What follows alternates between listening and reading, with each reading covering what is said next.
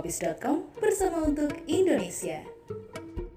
Halo Sobat Holopis, apa kabar? Semoga dalam kondisi baik-baik saja ya.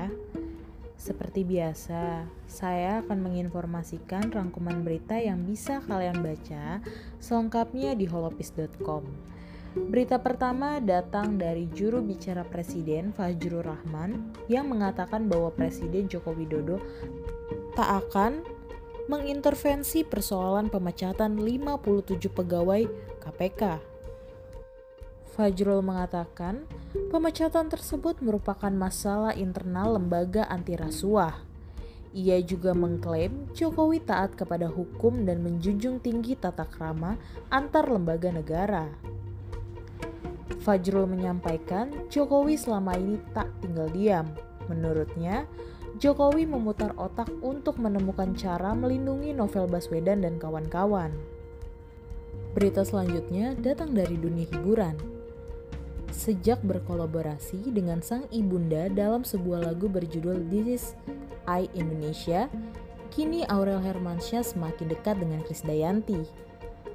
Sebelumnya, hubungan ibu dan anak tersebut sempat renggang selama bertahun-tahun sejak perceraian Krisdayanti dengan Ana Hermansyah, terlebih saat mereka menikah dengan pasangan masing-masing. Menanggapi kedekatan Aurel dan Krisdayanti, istri Ana Hermansyah yang juga merupakan ibu sambung dari Aurel, Ashanti, mengatakan ia senang dengan kedekatan Aurel dan Kade yang sekarang.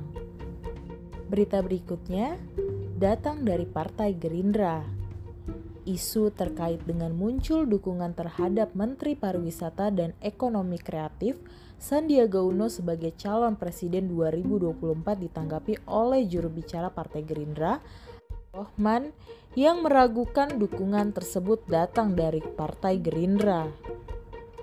Menurut Habibur Rahman, sampai saat ini Gerindra masih satu suara menginginkan Prabowo Subianto maju menjadi capres di 2024 meski ada kader Gerindra yang ingin Sandiaga maju, ia memperkirakan jumlahnya tak banyak. Merujuk dari hasil survei, terlihat bahwa elektabilitas Prabowo Subianto masih lebih tinggi dari Sandiaga.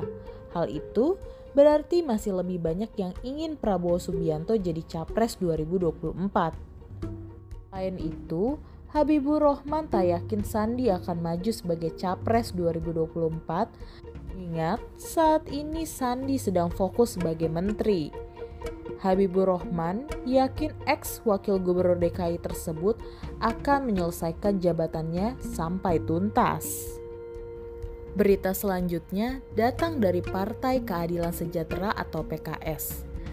PKS mempersilahkan para kadernya untuk melakukan poligami. Kader yang mampu secara ekonomi boleh melakukan hal tersebut, tetapi harus mengutamakan janda.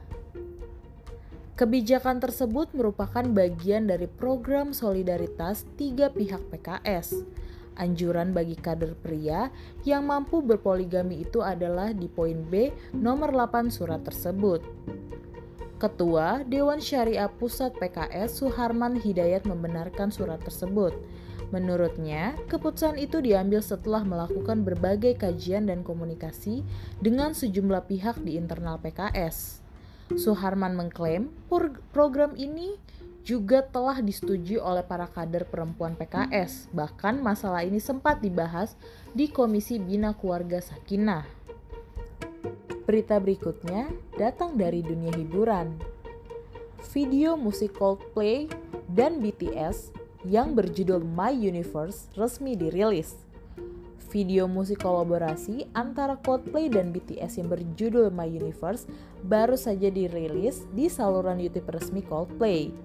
Lagu tersebut akan muncul di album terbaru Coldplay yang akan rilis pada tanggal 15 Oktober mendatang. Dalam video yang disutradarai oleh Dave Myers, grup-grup musik tersebut berbentuk hologram bersama dengan kelompok alien supernova tujuh demi mengalahkan kekuatan yang menguasai galaksi Spears. Meskipun di galaksi tersebut musik dilarang, namun para musisi percaya bahwa musik dapat menang saat visualisasi muncul. Lagu yang memiliki lirik bahasa Inggris dan Korea mengajarkan persatuan di tengah-tengah perpecahan. Sebelumnya, Coldplay dan BTS merilis dua edisi yang berbeda dari lagu ini, seperti versi akustik dan juga remix Supernova 7. Demikian rangkuman berita dari saya, Selvi Andriani. Sampai jumpa.